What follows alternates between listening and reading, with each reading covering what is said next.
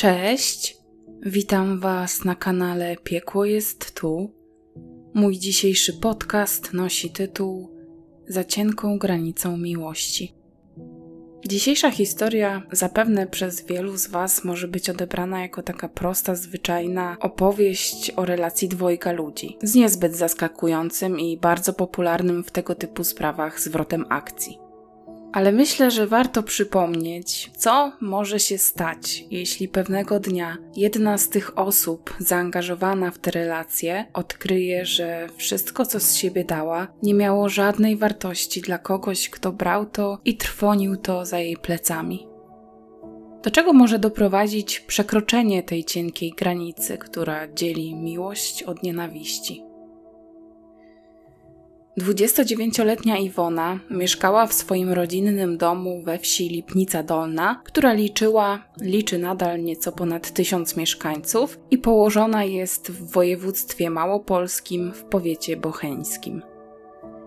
Dawniej ten dom tętnił życiem, zamieszkiwało go bowiem razem z Iwoną pięcioro ludzi – Oprócz kobiety mieszkał tam również jej ojciec, matka, brat oraz chorujący i wymagający opieki kuzyn, który był w jej wieku. Rodzina wiodła skromne życie, nigdy nie żyła w luksusach, natomiast panowały tam normalne relacje, nie było tam patologii czy innych dysfunkcji.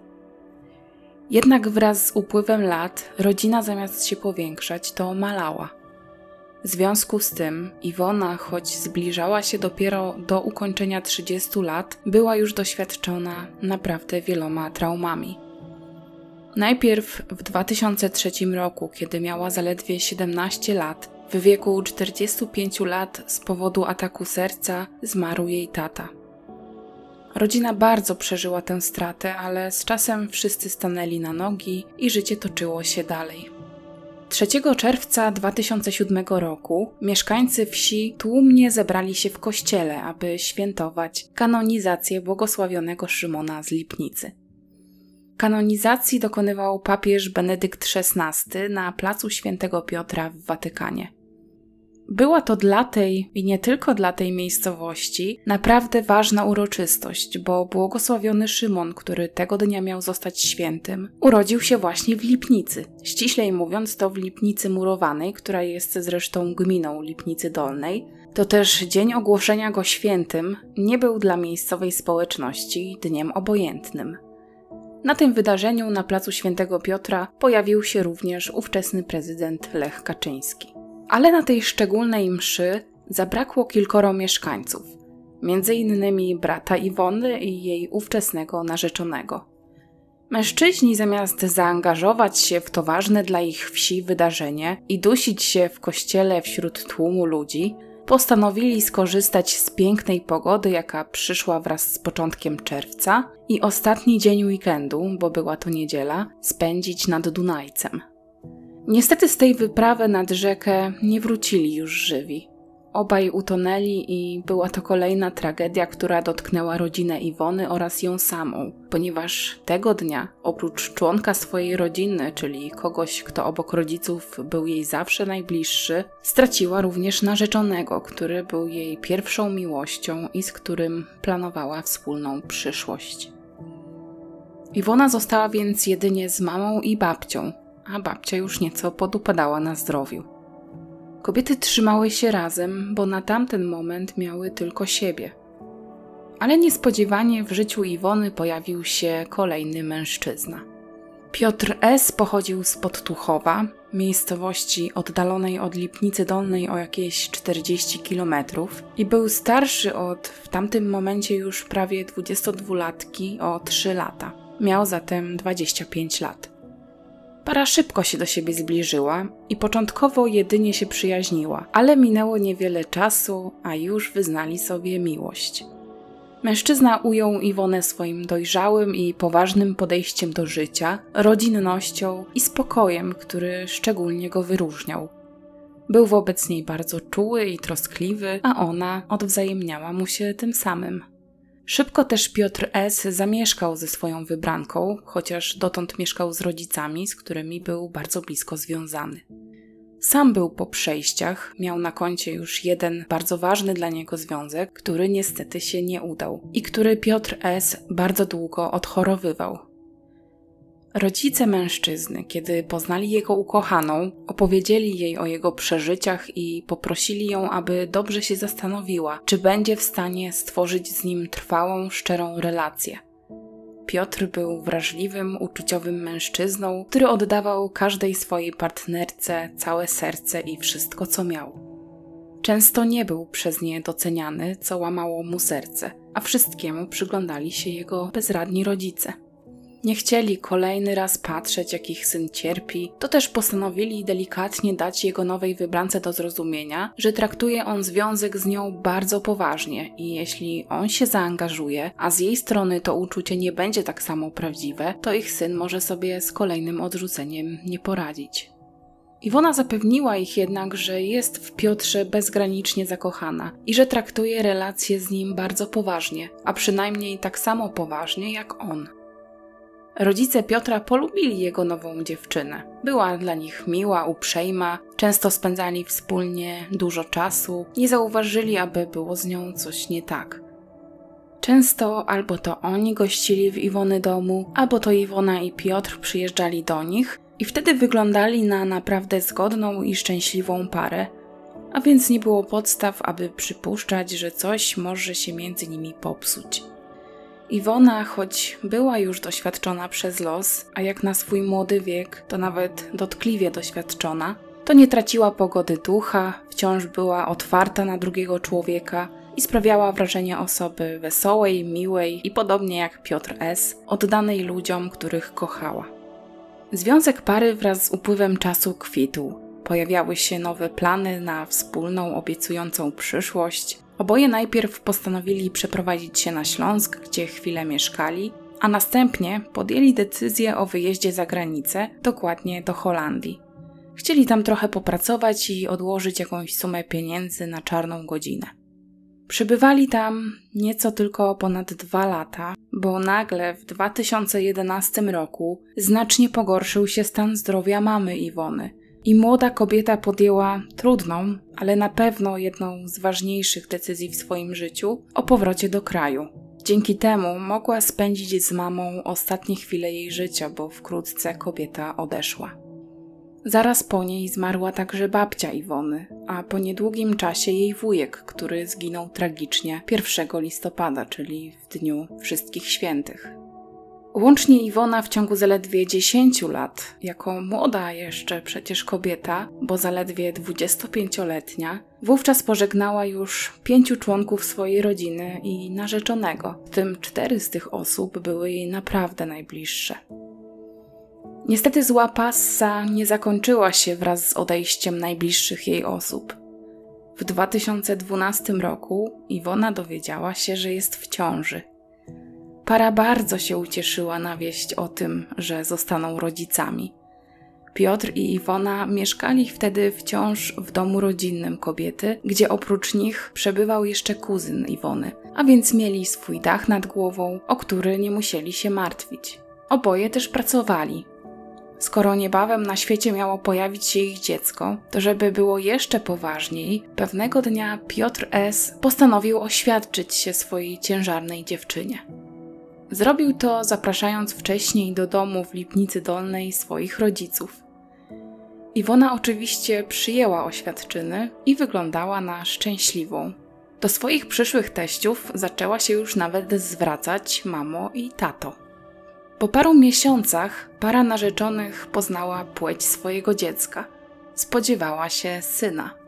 Szczęście Iwony i Piotra w tamtym momencie było jeszcze większe. Planowali już wystrój pokoju dziecięcego, mieli już także wybrane imię, co do którego oboje byli zgodni.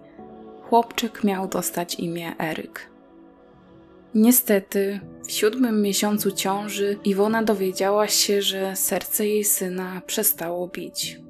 Kobieta bardzo mocno przeżyła tę stratę, trochę zamknęła się w sobie i po pogrzebie dziecka, które spoczęło na cmentarzu obok miejsca, gdzie zostali wcześniej pochowani jej rodzice, na jakiś czas zrezygnowała z pracy.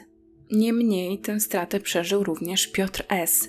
Choć w tamtym momencie był ogromnym wsparciem dla swojej narzeczonej, to on również miewał momenty załamania. Mimo wszystko starał się, żeby jego ukochanej niczego nie brakowało. To przykre, smutne wydarzenie nie wpłynęło negatywnie na ich relacje, a nawet nieco ich do siebie zbliżyło. Para dawała sobie nawzajem wówczas mnóstwo wsparcia i zapewniała się non-stop w swoich uczuciach. Postanowili, że nie poddadzą się i będą walczyć o to, żeby kiedyś na świat przyszło ich kolejne dziecko, tym razem szczęśliwie. Ale skoro Iwona póki co postanowiła na dłuższy czas zrezygnować z pracy, aby móc wrócić do pełni sił, zarówno tych fizycznych, jak i psychicznych, a może nawet przede wszystkim psychicznych, to Piotr S. postanowił wziąć ciężar utrzymania rodziny na siebie. Zdecydował się podjąć pracę w transporcie międzynarodowym, z czego miał uzyskiwać bardzo dobre dochody wystarczająco dobre, aby Iwona mogła przez jakiś czas dochodzić do siebie w domu, nie zaprzątając sobie głowy jeszcze innymi zmartwieniami. Natomiast wiadomo, jak to jest w takiej pracy coś kosztem czegoś. Zdarzało się więc, że Piotra nie było w domu przez kilka tygodni, a w miesiącu łącznie przebywał tam może najwyżej tydzień.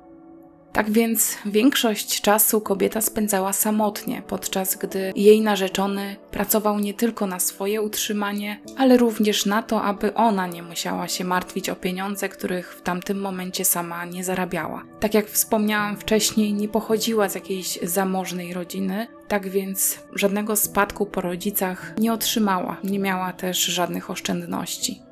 W dodatku para planowała ślub, a więc potrzebne były na to środki, a w niedalekiej przyszłości planowała też kupić mieszkanie na kredyt. Na to wszystko pracował właśnie Piotr S., ale nie narzekał. Wiedział, w jakim stanie psychicznym była jego narzeczona i że potrzebowała tego odpoczynku i regeneracji. Mimo rozłąki, para starała się być w ciągłym kontakcie. Często do siebie dzwoniła i wymieniała się na przykład zdjęciami. Wraz z upływem lat, kiedy Iwona poczuła się już lepiej, zatrudniła się na jakąś część etatu w miejscowej piekarni. Głównie pracowała tam na nocki. Nie było jednak z tej pracy jakichś wielkich pieniędzy. Wciąż budżet domowy zasilały głównie zarobki Piotra S., a on nadal pracował w charakterze kierowcy i nadal zdecydowaną większość czasu spędzał na wyjazdach ale jego nieobecność wydawało mu się, że nie osłabiła jego więzi z Iwoną. Wciąż uważał ją za kobietę idealną, okazywał jej swoją miłość na każdym kroku i myślał, że wszystkie plany, jakie poczynili do tej pory, wciąż są aktualne. Mało tego, nawet doszły nowe plany, które w najbliższym czasie zamierzali zrealizować. Przede wszystkim bardzo poważnie myśleli o tym, żeby powiększyć swoją rodzinę. Po długich rozmowach ustalili więc, że są już gotowi na to, aby ponownie rozpocząć starania o dziecko. Wtedy minęło już kilkanaście miesięcy od straty pierwszego dziecka. Z czasem jednak, kiedy Piotr S. wracał do domu na kilka dni, zaczął zauważać, że mija się ze swoją narzeczoną. W nocy kobieta wychodziła do pracy, w dzień odsypiała nocną zmianę. Choć nigdy wcześniej nie dochodziło między nimi do kłótni, tamten czas był dla nich prawdziwym kryzysem. Frustracja Piotra narastała nie tylko dlatego, że nie mógł spędzić ze swoją ukochaną czasu, którego przecież mieli dla siebie tak niewiele, ale też dlatego, że choć kobieta wychodziła do pracy, to nigdy nie miała pieniędzy. Nie wiadomo, na co przeznaczała swoje dochody. Wciąż to właśnie Piotr wykładał pieniądze na rachunki i na bieżące potrzeby. Dlatego też mężczyzna zaczął podejrzewać, że jego ukochana nie jest z nim do końca szczera. Związek zaczął się psuć doszczętnie na początku 2015 roku, w styczniu, kiedy staż tej relacji wynosił już ponad 7 lat.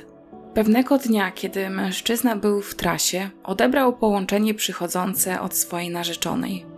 Kiedy wcisnął w telefonie zieloną słuchawkę, zamiast usłyszeć, jak zawsze, głos Iwony, do jego uszu dotarła najpierw głucha cisza, a później dziwne dźwięki.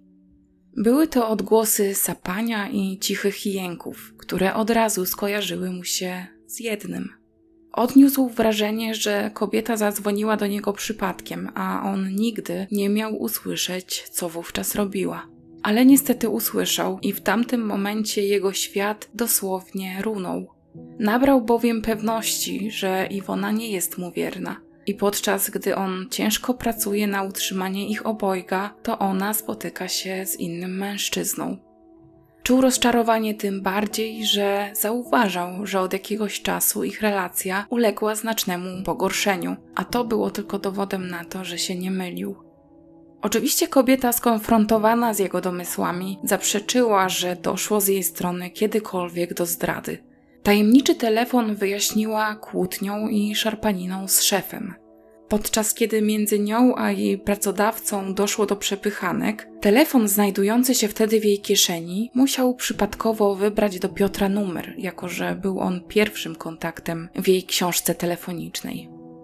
Ale mężczyzna nie dał sobie zamydlić oczu, tym bardziej, że do jego uszu zaczęły już docierać krążące po okolicy plotki, które głosiły, że Monika wcale nie wychodzi w nocy do pracy, mimo że tak utrzymywała przed swoim narzeczonym.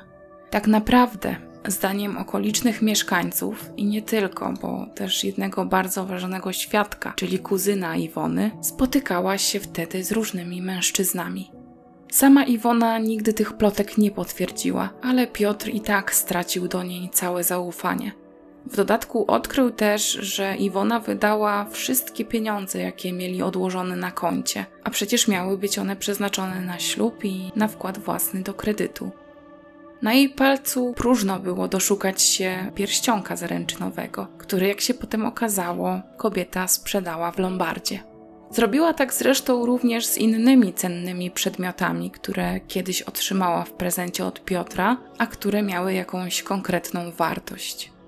Naturalnie, że po takim zwrocie akcji związek ten zakończył się niedługo później. Natomiast to, kto go zakończył, to nie jest do końca jasne, ponieważ ze źródeł wynika, że zrobiła to właśnie Iwona. Choć tak właściwie to Piotr S. miał ku temu właściwy powód.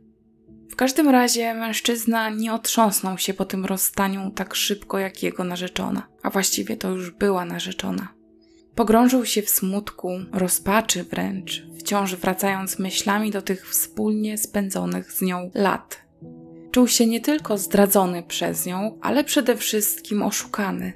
Siedem lat związku, które uważał za bardzo szczęśliwe, w jednej chwili stały się tylko stratą czasu. Ale nie tylko czasu, bo również pieniędzy, które ciężko zarabiał po to, aby Iwonie nigdy niczego nie zabrakło, a ona te pieniądze tak bezmyślnie, za jego plecami i nawet nie wiadomo na co, wydała. Choć Piotr był jeszcze bardzo młodym mężczyzną, bo miał wtedy nieco ponad 32 lata, życie przestało mieć dla niego sens. O wszystkich planach, jakie snuł przez ostatnie lata, musiał zapomnieć, a nowych nie chciał układać. I mimo, że miał ogromne wsparcie w swoich rodzicach, z którymi po tym rozstaniu znów zamieszkał, to nawet oni nie zdołali go uchronić przed najgorszym. Pewnego dnia Piotr połknął garść tabletek i zapił je alkoholem. Zwyczajnie chciał opuścić ten świat i to na własnych warunkach. Na całe szczęście dla jego bliskich i na nieszczęście dla niego samego, bo domyślam się, że w tamtym momencie naprawdę nie chciał już więcej otworzyć oczu, porę trafił do szpitala. Tam zajęli się nim lekarze, udało im się opanować sytuację i ostatecznie po czterech dniach hospitalizacji Piotr S. wrócił do domu ale o wydarzeniach z tego dnia nigdy więcej nie chciał rozmawiać. Sprawiał wrażenie nawet jakby w ogóle nie pamiętał momentu, gdy sięgał po tę zabójczą mieszankę. Za to wciąż nie zapomniał o swojej byłej narzeczonej i wyrzucał sobie, że nie zorientował się, że Iwona oszukiwała go przez tyle czasu. Miał o to pretensje również do ludzi, którzy zaczęli mu już później donosić o niewierności jego ukochanej i zrobili to dopiero w momencie, kiedy on sam się już o tym przekonał na własne uszy. Po rozstaniu z Iwoną od jej kuzyna dowiedział się, że jej kochanek był częstym gościem w jej domu, podczas kiedy Piotr S. był nieobecny i że ta relacja trwała nawet kilka lat. I co najgorsze, Ta informacja sprawiła, że Piotr zaczął również kwestionować swoje ojcostwo w przypadku utraconej ciąży sprzed lat. Bo skoro Iwona spotykała się za jego plecami z innymi mężczyznami, to istniało przecież duże prawdopodobieństwo, że dziecko, które nosiła pod sercem przez 7 miesięcy, nie było jego dzieckiem. Te myśli sprawiały, że pogrążał się w coraz większym żalu, coraz większym smutku, i bliscy podejrzewali, że dzieje się z nim coś naprawdę złego i nie wiedzieli, do czego jeszcze może to doprowadzić. Iwona w czasie, kiedy Piotr S. walczył o to, żeby jak najszybciej poradzić sobie z rozstaniem, nie traciła tego czasu. Nie musiała się już ukrywać, tak więc jej nowy związek, a tak właściwie stary, bo rozpoczęty jeszcze w momencie, kiedy była z Piotrem S., trwał w najlepsze. Co jeszcze smutniejsze i na pewno dużo boleśniejsze dla Piotra S., nowym wybrankiem i mężczyzną, z którym Iwona zdradzała go przez dłuższy czas, okazał się być jego znajomy o imieniu również Piotr. Piotr Z., mieszkaniec pobliskiego Brzeska. Zawiedziony Piotr S. wysyłał do kochanka swojej byłej narzeczonej wiadomości, w których pisał m.in., że Iwona na pewno i jemu nie jest wierna, bowiem dowiedział się od ludzi, że mężczyzn, z którymi spotykała się kobieta, było znacznie więcej. Minął miesiąc od tego rozstania, a były narzeczony Iwony wciąż nie mógł poradzić sobie z sytuacją. 1 marca 2015 roku, około godziny 18, niespodziewanie na tablicy Facebooka znajomym Piotra S. wyświetlił się post, w którym pełen żalu, rozczarowania i goryczy mężczyzna pisał, cytuję: Iwona O jest oszustką, jeśli jesteś poszkodowany bądź masz więcej informacji na jej temat lub masz resztki sumienia i ewentualnie chęć zeznawania w sądzie przeciwko Iwonie O, aby uchronić innych ludzi przed nią, proszę o kontakt poprzez Facebook. Byłem z Iwoną w związku 7,5 roku. Iwona prowadziła w tym czasie podwójne życie. Od około trzech lat jest także w związku z Piotrem Z. z Brzeska, który doskonale wiedział, że ma narzeczonego.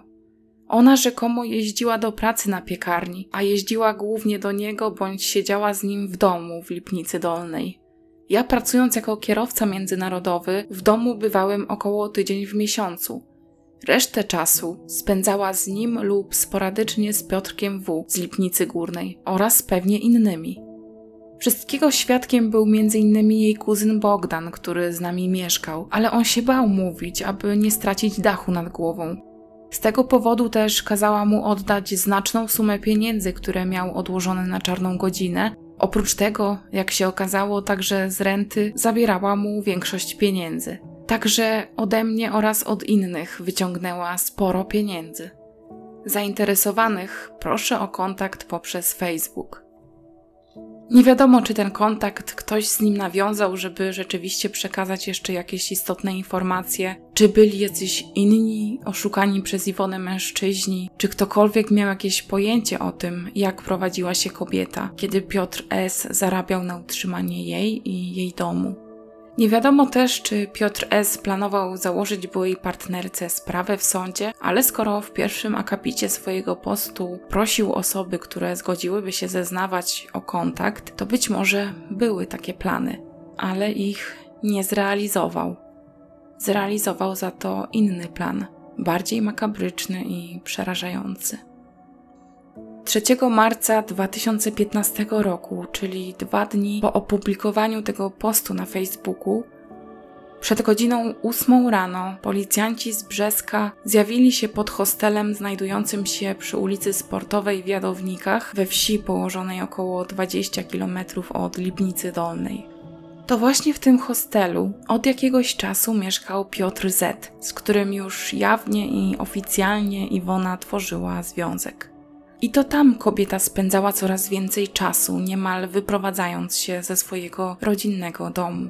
Mężczyzna, który zadzwonił na policję, żeby poprosić o interwencję, poinformował funkcjonariuszy, że w hostelowym pokoju prawdopodobnie dojdzie lub nawet już mogło dojść do tragedii, ponieważ wzburzony, uzbrojony w noże mężczyzna siłą wtargnął do pomieszczenia i najpierw zaatakował przebywającego tam mężczyznę, a kiedy ten wybiegł na zewnątrz poszukać pomocy, napastnik zamknął za sobą drzwi na klucz i ruszył z nożem w kierunku kobiety, która również się tam znajdowała.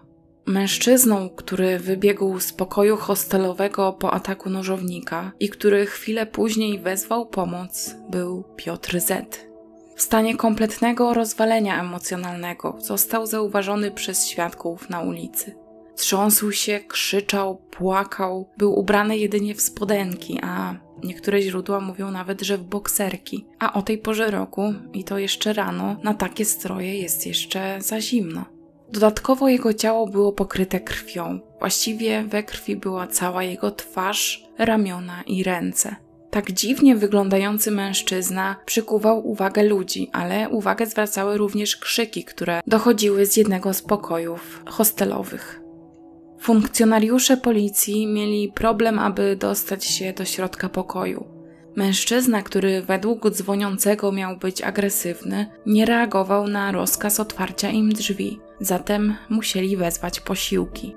Na miejscu pojawiły się kolejne radiowozy, a także strażacy, którzy przy użyciu siły zdołali ostatecznie te drzwi wyważyć. Być może mundurowi zakładali ewentualność, że kobieta, która została sam na sam z napastnikiem, może już nie żyć, ale na pewno nie byli przygotowani na widok, jaki zastali po dostaniu się do pokoju. Około 30-letnia kobieta leżała bezwładnie na podłodze w kałuży krwi. Tuż obok niej, na łóżku, siedział mężczyzna mniej więcej w tym samym wieku. Jej ciało pokryte było wieloma ranami kłutymi i ciętymi. Głównie zlokalizowane one były na klatce piersiowej. Ale to, co szczególnie zwracało uwagę i budziło przerażenie, to stan twarzy tej kobiety. Była ona totalnie okaleczona. Ran, jakie otrzymała kobieta, naliczono naprawdę wiele. Niektóre źródła podają, że było ich 60, a inne podają nawet liczbę dwukrotnie wyższą i trudno mi stwierdzić na ten moment, która wersja jest prawdziwa. Ale nawet 60 ciosów to zdecydowanie ogromna ilość i świadczy ona już o nadzabijaniu.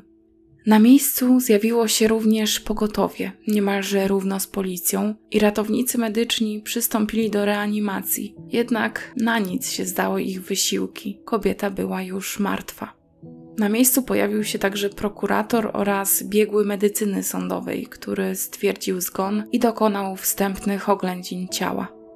Tą kobietą, martwą kobietą, była oczywiście Iwona, a napastnikiem jej były narzeczony Piotr S. Na miejscu znaleziono również noże, dwa z nich nosiły ślady krwi. Później okazało się, że krew należała zarówno do ofiary, jak i do podejrzanego na ten moment Piotra S. Policjanci oczywiście obezwładnili mężczyznę bez żadnego problemu. Stan, w jakim się znajdował, wskazywał na to, że emocje już z niego uszły. Nie był agresywny ani w stosunku do mundurowych, ani do nikogo innego.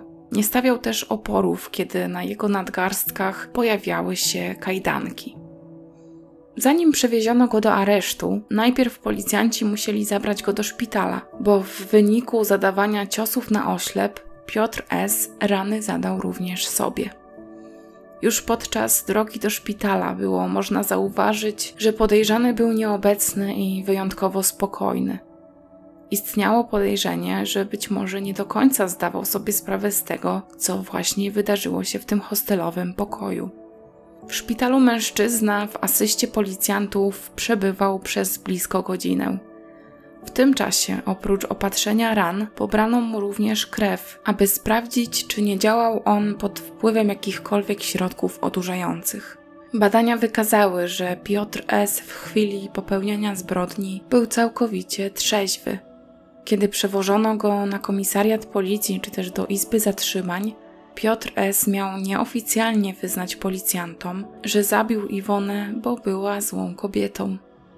Później, podczas pierwszego już oficjalnego przesłuchania, nie zaprzeczył, że to on dopuścił się tego czynu, ale też niewiele miał do powiedzenia, ponieważ, jak twierdził, nie wszystko pamiętał.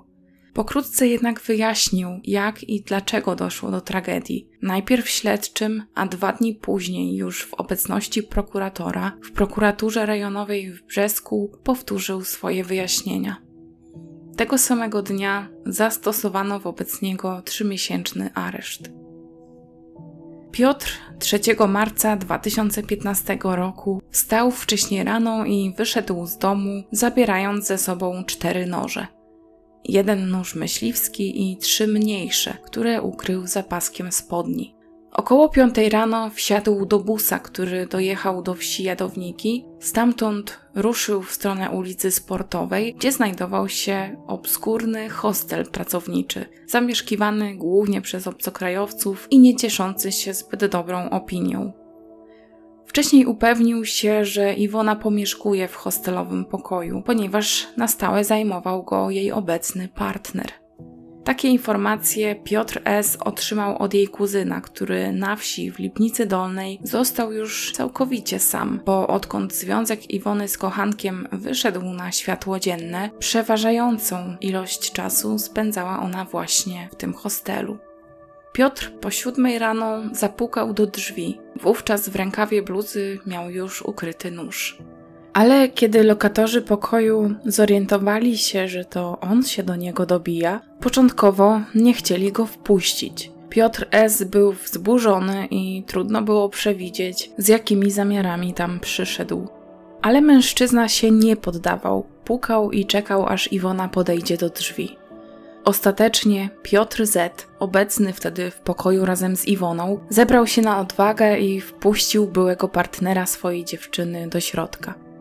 Piotr S. w pierwszej chwili na jego widok bardzo się zdziwił. Jadąc do jadownik, był bowiem przekonany, że Piotr Z. będzie w tym czasie w pracy. Planował spotkać się tylko ze swoją byłą narzeczoną. Nie miał jednak czasu na zastanawianie się, jak wywabić partnera Iwony tak, aby nie zrobić mu krzywdy, więc bez zastanowienia od razu go znokautował, wymachując nożem w jego kierunku. Piotr Z próbował zasłaniać Iwonę, aby nie doszło do konfrontacji pomiędzy parą, ale nie zdołał tego skutecznie zrobić, bo Piotr S zadał mu ciosy, które trafiły w jego przedramiona. Oszołomiony mężczyzna wybiegł z pokoju i znalazł się na ulicy, gdzie szukał pomocy. Piotr S. zamknął za nim drzwi na klucz, tak aby już nikt nie dostał się do pokoju, w którym on zamierzał rozmówić się ze swoją byłą narzeczoną. Mężczyzna twierdził, że poszedł do tego pokoju po to, aby porozmawiać z Iwoną. Miał też do odebrania od niej swoje rzeczy, m.in. laptop. W jego głowie od czasu ich rozstania kłębiło się mnóstwo pytań, innymi to, czy istniała możliwość, że to nie on był ojcem ich zmarłego dziecka. Nie wiadomo, jaką odpowiedź uzyskał, ale sądząc po sile, z jaką zadawał ciosy kobiecie i o ilości tych ciosów, można przypuszczać, że wyładował na niej wszystkie negatywne emocje, które od ponad miesiąca się w nim zbierały. Możliwe więc, że twierdząca odpowiedź Iwony na zadane przez niego pytanie również była powodem tej nadmiernej złości. Piotr nie był w stanie dokładnie określić, co spowodowało jego agresję i czy to na pewno on zaatakował jako pierwszy, bo twierdził, że pamiętał przebieg wydarzeń tylko częściowo. Przed oczami miał obraz skulonej, leżącej na podłodze kobiety i swoje zakrwawione dłonie. Natomiast chwilę po tym, jak Iwona leżała już martwa w kałuży krwi, jeszcze zanim na miejscu zjawili się policjanci, Piotr S. otworzył okno, zapalił papierosa i obserwował. Czekał, aż pod budynkiem zaparkują radiowozy i karetka pogotowia. I kiedy się doczekał, domyślił się, że za chwilę zostanie aresztowany, zadzwonił więc do swojej mamy. W lakonicznym komunikacie przekazał jej, że chyba właśnie zabił Iwonę. Przeprosił ją za to i rozłączył się. Skoro jednak podejrzany nie był w stanie całkowicie odtworzyć wydarzeń z wtorkowego poranka, istniało podejrzenie, że mógł on działać w stanie silnego wzburzenia i nie do końca w chwili popełniania czynu zdawał sobie sprawę z tego, co robił. Podczas oczekiwania na proces Piotr S. został skierowany na obserwację, która szczególnie miała potwierdzić bądź wykluczyć możliwą chorobę psychiczną. Gdyby okazało się, że mężczyzna posiadał problemy psychiczne, była możliwość, a nawet konieczność umieszczenia go w zakładzie psychiatrycznym. Proces rozpoczął się jeszcze w tym samym roku, w październiku, i toczył się przed sądem okręgowym w Tarnowie. W akcie oskarżenia prokurator podawał, że Piotr S. dopuścił się zabójstwa ze szczególnym okrucieństwem. 3 marca 2015 roku przyszedł do hostelu z bezpośrednim zamiarem pozbawienia życia swojej byłej narzeczonej, a motywem jego działania miała być zazdrość albo zawiedzione uczucie. Przyznał również, że przez wiele lat swojej pracy nie spotkał się jeszcze z tak okrutną sprawą zabójstwa. Jego zdaniem Piotr S. działał z premedytacją, chcąc niejako ukarać kobietę za cierpienie, jakiego on doznał, kiedy ona go zostawiła. I dlatego ciosów było aż tak wiele i były aż tak brutalne. Wnosił o dożywotnie pozbawienie wolności z możliwością przedterminowego opuszczenia więzienia dopiero po upływie 35 lat. Obrońca Piotra próbował dowieść, że mężczyzna działał pod wpływem silnego wzburzenia, usprawiedliwionego okolicznościami, i wnosił o wymierzenie Piotrowi S. kary 12 lat pozbawienia wolności. Badania psychologiczno-psychiatryczne wykluczyły jednak, żeby oskarżony nie miał świadomości tego, co robił. Stwierdzono jego całkowitą poczytalność w chwili popełniania czynu i brak symptomów choroby psychicznej. Luki w jego pamięci mogły powstać na skutek wyparcia tragicznych wydarzeń, ponieważ mogły one stanowić traumę również dla samego sprawcy. Jedyne, co mogło nieco odbiegać od normy, to skłonności Piotra do urojonej zazdrości oraz jego obniżona inteligencja. Biegli określili Piotra S. jako osobę skrajnie naiwną i łatwowierną, ale też egocentryczną, która ma bardzo roszczeniowe podejście w kontaktach z innymi ludźmi, ale z całą pewnością nie przejawiał cech psychopaty. Poza tym, jak już wcześniej wspomniałam, biegli z dziedziny psychiatrii i psychologii działanie Piotra S. określili mianem overkillingu, który cechuje się nadmierną ilością ciosów, znacznie większą ilością niż potrzeba, by doprowadzić do czyjejś śmierci. Podczas tak brutalnego działania sprawca wyładowuje na swojej ofierze wszystkie negatywne emocje. Ofiara umiera po kilku, nieraz nawet po pierwszym ciosie, ale sprawca się nie zatrzymuje. Zadaje uderzenia do momentu, aż cała złość z niego ujdzie. Takie działanie występuje najczęściej wtedy, kiedy zabójcę i ofiarę łączy bądź łączyła bardzo silna więź. Sam Piotr przed sądem przyznał, że bardzo kochał Iwonę i uważał ich związek za szczęśliwy. Tym bardziej zdrada jego partnerki bardzo go zabolała. Do tego stopnia, że podjął nawet próbę samobójczą, ponieważ nie widział sensu życia bez niej. Poszedł do niej tego tragicznego ranka, aby z nią porozmawiać, a sytuacja wymknęła się spod kontroli, kiedy zastał ją w towarzystwie Piotra Z, czyli mężczyzny, z którym go zdradzała przez tyle lat. Jak sam stwierdził przed sądem, usłyszeć o zdradzie to jedno, ale zobaczyć to na własne oczy to drugie. Emocje wtedy wzięły nad nim górę. Skąd w jego posiadaniu noże? Oskarżony tłumaczył, że nabył je tydzień wcześniej na targu. Obawiał się o własne życie, dlatego uzbroił się w nie właśnie po to, żeby w razie potrzeby móc się przy ich pomocy obronić. Twierdził, że Piotr Z miał kontaktować się z nim telefonicznie i grozić mu pobiciem, jeśli nie odczepi się od Iwony. Druga wersja podawana przez inne źródło mówi, że oskarżony zabrał ze sobą ostre narzędzia dlatego, że w hostelu mieszkali Romowie, którzy nie cieszyli się dobrą opinią, a on się ich bał. I to właśnie do obrony przed nimi miały te noże służyć. Zapytany o to, czy to prawda, że wcześniej groził Iwonie, mówiąc, że jeszcze będzie cierpiała, odpowiedział, że tak. Natomiast miał wtedy na myśli to, że zrobi wszystko, aby odpowiedziała za swoje oszustwa przed sądem i postara się o to, aby nawet trafiła za to do więzienia. Nie planował jej skrzywdzić w żaden inny sposób, tym bardziej zabić. Wyraził skruchę i powiedział, że jej śmierć to również jego tragedia, ponieważ była ona kobietą jego życia. Przed sądem w roli świadka miał pojawić się także Piotr Z, ale nie ma w żadnym źródle jego zeznań. Za to w tygodniku Angora w wydaniu z 20 marca 2016 roku jest dostępny krótki opis zeznań Bogdana, kuzyna Iwony, który mieszkał z nią przez właściwie albo całe swoje życie, albo przez większość tego życia.